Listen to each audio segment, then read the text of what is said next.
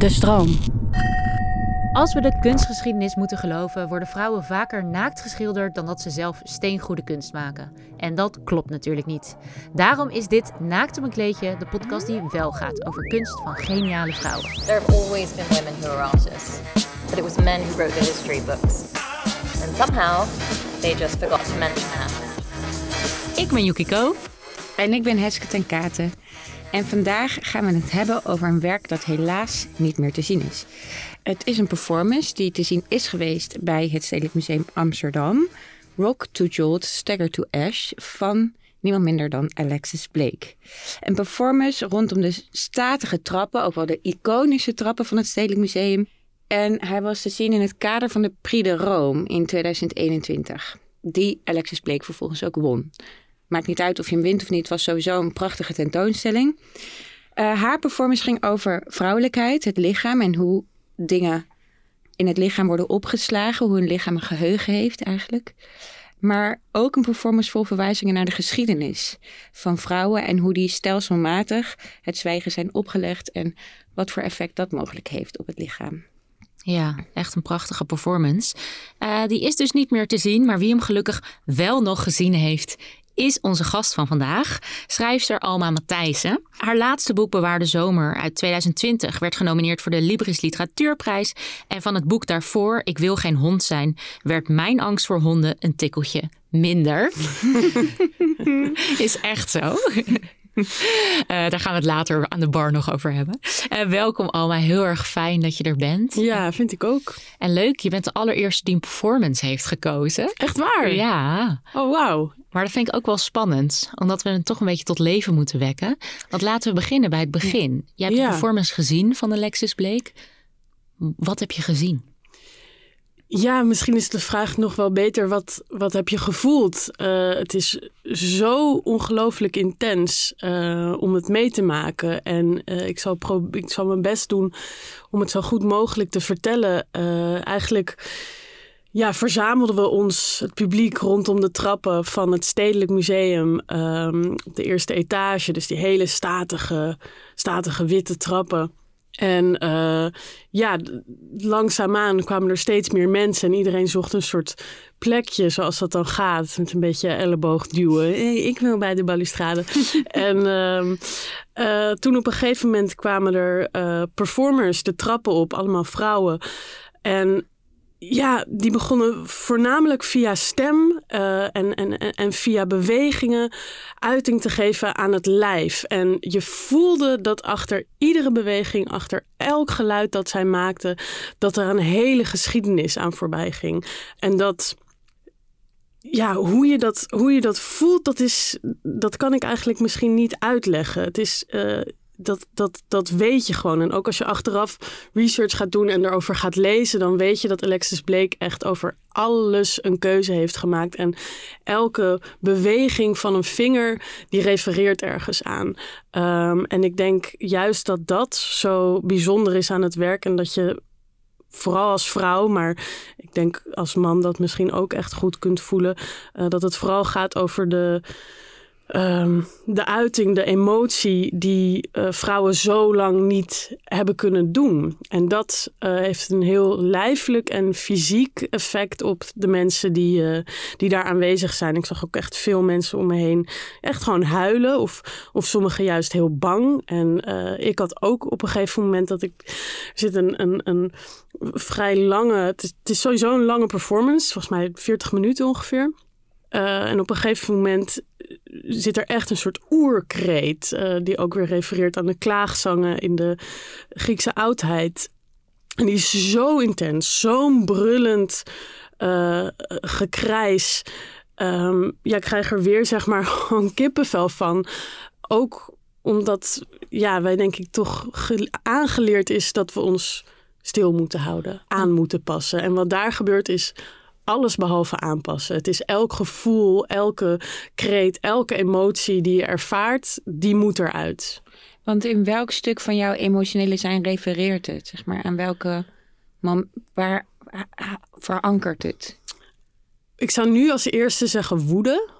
Uh, omdat ik ook denk dat dat een, dat een emotie is waarvoor heel veel vrouwen niet het idee hebben dat ze dat zo makkelijk kunnen uiten. Ik vond het heel mooi dat uh, was laatst naar een andere voorstelling uh, van Laura van Doron. En toen zei zij: als, als mannen kwaad zijn, dan zit er verdriet achter. Als vrouwen verdrietig zijn, dan zit er woede achter. wat ik een soort hele mooie. Ja, super mooi. En herkenbaar. ja. ja. Ja, ja, ja. het is iets. Ik vind het zelf ook heel moeilijk om kwaad te zijn. Terwijl ik kan bijna elke dag huilen als ik zou willen, zeg maar. Uh, en ervaar dat ook als prettig. maar uh, de woede is bij mij nog wel eens moeilijk, uh, moeilijk op te roepen. En, en hier om zo een groep vrouwen echt woede op een hele intense manier, zonder daar op de een of andere manier een beetje terug te houden, te laten zien. Weet je ze moesten zelfs in het stedelijk uh, schilderijen verplaatsen, omdat de, de, performance zo luid en intens was, dat die begonnen te trillen ervan. Wauw. Um, dus ja, die kracht, ja, dat ga ik gewoon nooit meer vergeten. Het was echt uh, zo groot en intens. En misschien loop ik heel erg op de vraag vooruit, maar ik denk dan ook gelijk, is dit dan levensveranderend geweest, zo'n ervaring? Uh, poeh, dat, dat, dat, dat weet je misschien pas achteraf.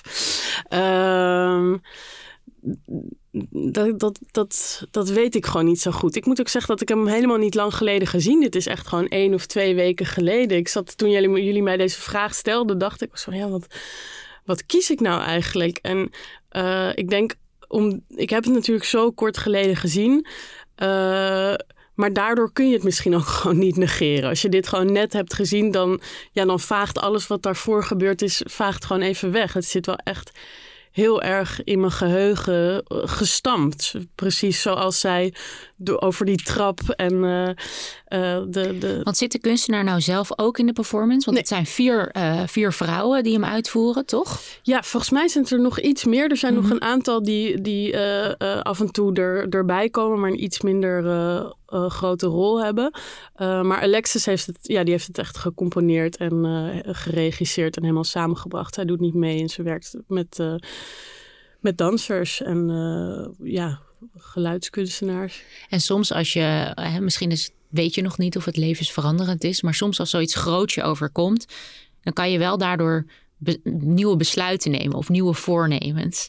Uh, heb je dat? Dat je denkt, ik ga nu mijn woede meer laten zien of ik ga me anders presenteren? Um, nou, ik denk, ik denk wel misschien dat ik gewoon meer. Um, uh, ja, moet ik het zeggen, dat ik, dat ik blij ben met de besluiten die ik al neem. Dus, dus de, de boeken die ik aan het maken ben, die gaan allemaal op een bepaalde manier over machteloosheid en uh, um, het gevoel dat je er niet toe doet of dat, dat je niet gehoord wordt. En nu ben ik ook weer bezig met een boek over uh, seksueel misbruik. En dan als ik ja, weet ik veel, weer de tv aanzet en me doodschrik over hoe mensen over The Voice praten of over Johan Derksen, um, dan kan ik me vreselijk machteloos voelen. Dan denk ik, hè, waar hebben we al die tijd zo hard voor gewerkt? Kom op, hoe bestaat het ja. dat deze man gewoon weer terug op weer terug wordt en dat daar niet echt ongelooflijk, toch? Ik vind het echt ongelooflijk. En ja, wat ik, pielen wij in de marge, toch? Precies. Dat... En dan kan ik me zo. Eigenlijk vind ik het gewoon onvoorstelbaar ja. dat dat zo is, maar het is zo. En dan die, dat gevoel van machteloosheid, uh, dat weet ik dan te omzeilen doordat ik er werk over maak. En ook al is dat niet direct, want ik heb helemaal geen zin om één moment van mijn tijd aan die man te geven. Weet je wel, het gaat in, op geen enkele manier over hem en dat zou ik ook absoluut niet willen. Maar ik wil wel dat thema aanpakken. En als ik dat niet doe, ja, dan zou ik een soort woede voelen die nergens heen kan. En dat refereert denk ik wel heel erg aan dit werk. Dat, dat je moet iets met die woede doen. Als je die woede doorslikt en laat uh, rotten in je lijf. Ja, dat, dat gaat gewoon niet goed. Dat is een heel ja, een heel, een heel naar gevoel. En ik denk ook dat, uh, ja, dat dan dit soort mannen inderdaad nog meer de kans ja. krijgen om gewoon te doen waar ze zin in hebben. Is kunst dan ook een soort ventiel?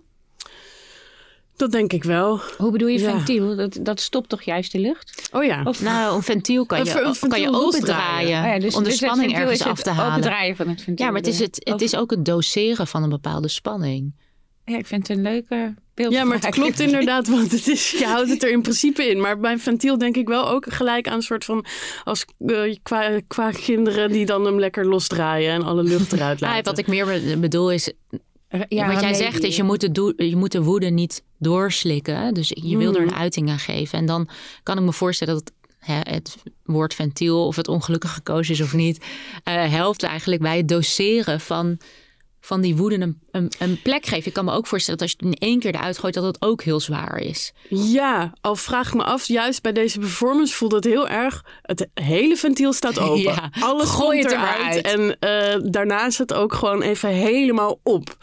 Ehm, en ik moest, ik weet ook, ik had daarna een soort familiefeest en kwam daar echt een soort van helemaal aan van, "Ah, ik weet, ik wil een soort van brullen op het balkon en taart door de kamer gooien. En dan moet je Eh, een beleefdheidsgesprekje met die rare oom voeren. Precies, precies. Van is de boom al omgehakt bij, eh, nou ja, weet ik veel waar je het dan over hebt. Ik heb nog een vraag over Alexis. Die zei mooi, vonden wij in het parool, dat ze zei: Ik miste na corona de collectiviteit. Terwijl we hebben allemaal iets heel heftigs meegemaakt. En eh, we zijn opgesloten geweest, eenzaam geweest, misschien heel bang geweest ook, woedend. Ehm, en deze performance was voor haar ook een poging om dat gevoel te, te collectiveren. Om maar zo te zeggen, om het gemeenschappelijk te maken, hoe zij zich had gevoeld ik vond dat een heel mooi mechanisme. En ik denk ook, doen jouw boeken dat dan ook?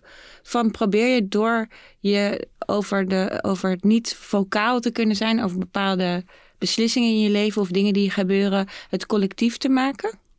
Ehm, nou, ik denk in, in, in Bewaarde Zomer, mijn, mijn laatste boek, ehm, wilde ik wel absoluut een, een bepaalde woede die ik, die ik voel over. Ja, god. Kijk, ik schrijf daarin eh, over. En het overlijden van mijn vader. Op, eh, ik was negen toen hij overlijdt, overleed. En tegelijkertijd een verkrachting die ik meemaakte op mijn zestiende. En eh, bij beide had ik heel erg het gevoel.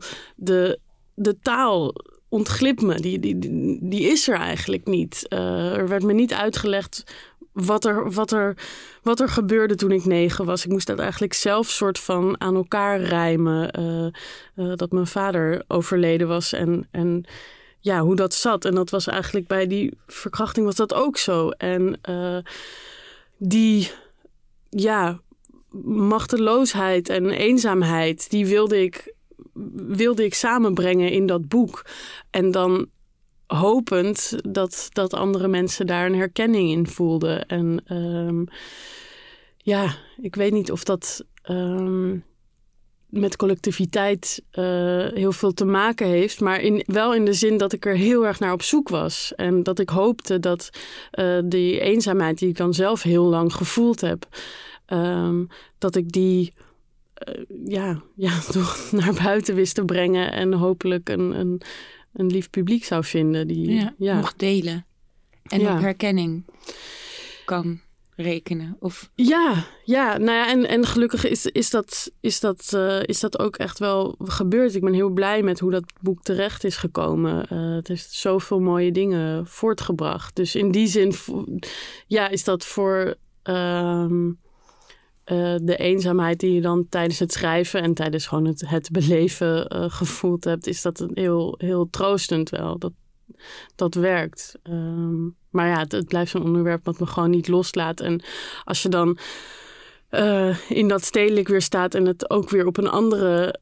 Ja, wat ik het ook het mooie daar vond, is dat je echt voelt van: oh ja, ik hoef me daar op geen enkele manier voor te schamen. Dat ik soms het gevoel heb eh, dat je te groots of te Hysterisch, of te hysterisch. boos. Of, exact. Ja. Al die dingen waar je je eh, soms een beetje ja, voor geneert.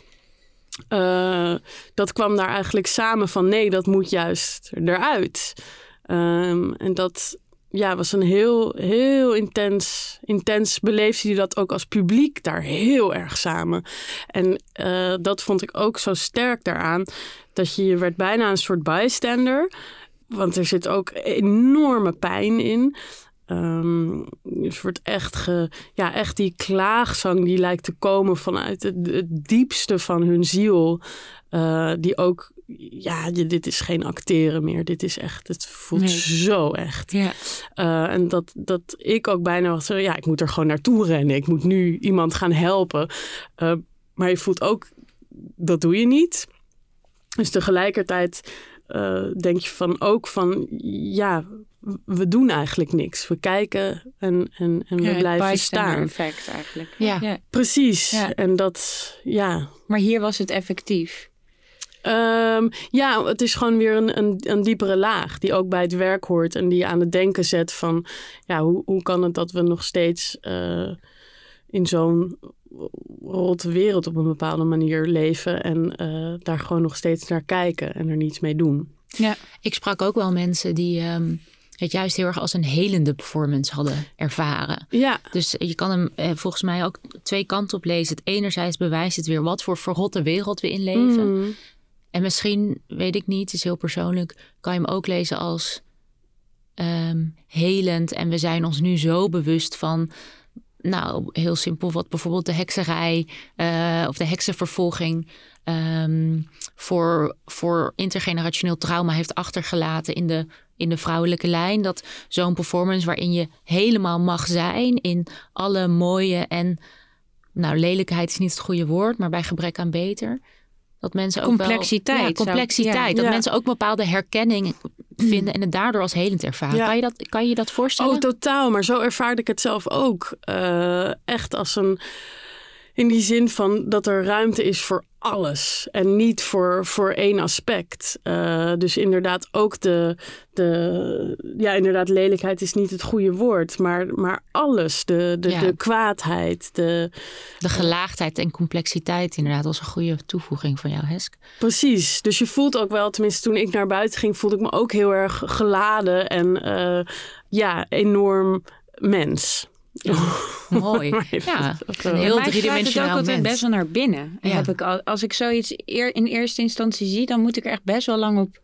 Moet ik het eigenlijk ook weer verwerken. Ondanks dat het een hele positieve en, uh, en een krachtgevende gebeurtenis is, is het ook iets wat dan zo uh, ja, bij je naar binnen slaat. Dat het ook weer ook een soort verwerking of meer digesting, weet je hoe je Ja, dat je weet ook later pas wat, wat de implicaties zijn. Ja. ja, je, voordat je het ook weer kan, op jouw vraag van kan je het dan ook toepassen of verandert het iets, dat is ook weer een proces eigenlijk. En soms misschien als je dan ineens iets heel engs hebt gedaan of heb in de vergadering wel met je vuist op tafel geslagen en dacht, vorig nou, maar nu ga ik dat echt een keer doen, dat Ja. je daar dan even aan terugdenkt en denkt, oh ja, dat ga ik nu kanaliseren of dat, roep ik, dat stuk roep ik in mezelf op. Ja, mooi. nee. En het is ook confronterend natuurlijk. Van de, ja, het, degene die jij in de wereld zet. Uh, daar, doet, daar deed het mij in elk geval ook heel erg aan denken. Van wat durf ik allemaal en wat is gepast en wat is niet gepast. Um, En is eigenlijk niet gewoon alles gepast?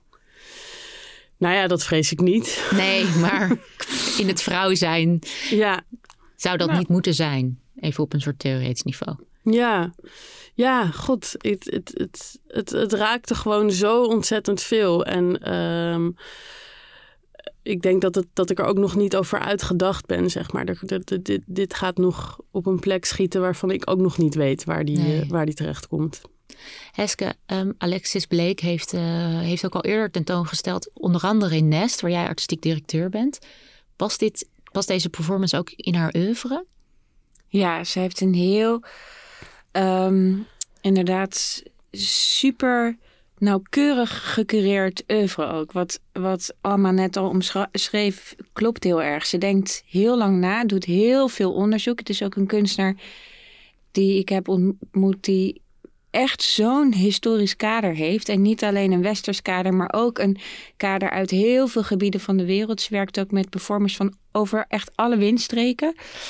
En eigenlijk vertrekt ze toch heel vaak vanuit het fem feminine en dan het onvertelde verhaal. Dus het, of een, wel het vertelde verhaal, maar niet opgepikte verhaal, moet je dan eigenlijk zeggen. Want deze verhalen zijn juist altijd in orale geschiedenissen verteld. Alleen is er weinig aandacht voor geweest.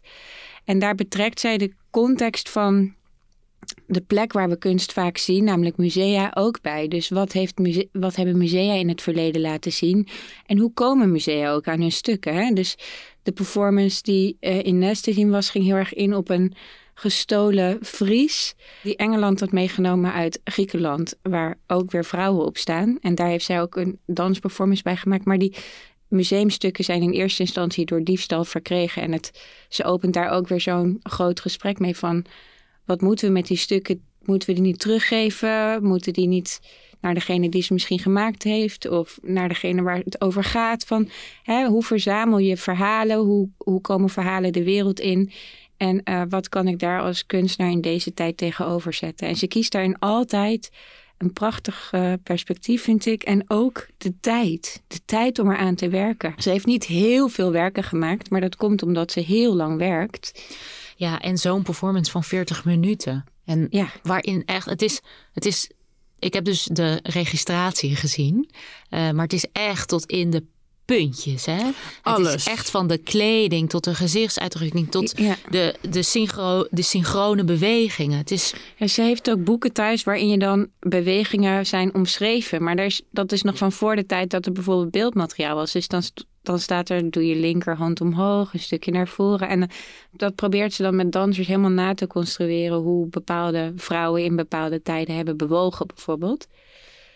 Ja, het is, ik heb een keer over Wes Anderson, die, die uh, filmmaker, uh, gelezen dat hij zijn hele films van tevoren al tot echt kleurdetails en poppetjes heeft uitgedacht. En daar, hele boek, daar zijn hele boek van. Maar volgens mij werkt zij ook zo. Ze weet precies wat ze wil en dan gaat ze het maken. Ze is ook een hele langzame werker, wat ik ook heel aantrekkelijk vind. Dat, dat, ja, en inderdaad over alles wordt nagedacht. Ook als je het, uh, het, uh, het, boekje of de krant uh, leest die ze erbij presenteert, dan, dan zie je ineens waar de bewegingen op gebaseerd zijn. En inderdaad, dus de klaagzangen in de, de, Griekse oudheid die verboden, die verboden werden op een gegeven moment, die zij een nieuwe stem wil geven.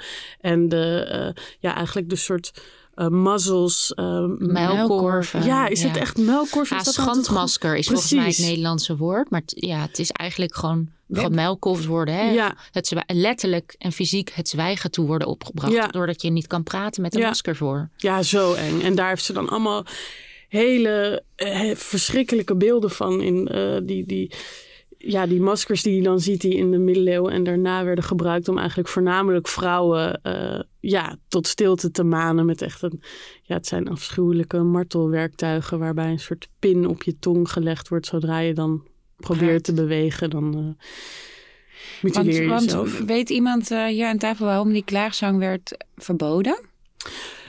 God, volgens mij is het vooral. Um, ik zie Yuki helemaal knikken. Wat ik ervan weet is uh, ja, dat ze eigenlijk gewoon bang waren dat vrouwen een te grote stem kregen. En uh, dat ze werden gedwongen om, om, om ja, die niet meer te laten horen. Maar misschien weet jij het beter dan ik. ik. heb het toevallig opgeschreven, maar het, het was. Uh, want je, precies wat jij zegt klopt hoor. Want het werd. Uh, in het oude Griekenland, waar eigenlijk de, de, democratie werd gesticht op basis van rationele gedachten en discussie, uh, was de klaagzang natuurlijk een hele emotionele uiting van iets. En daar paste het gewoon niet in.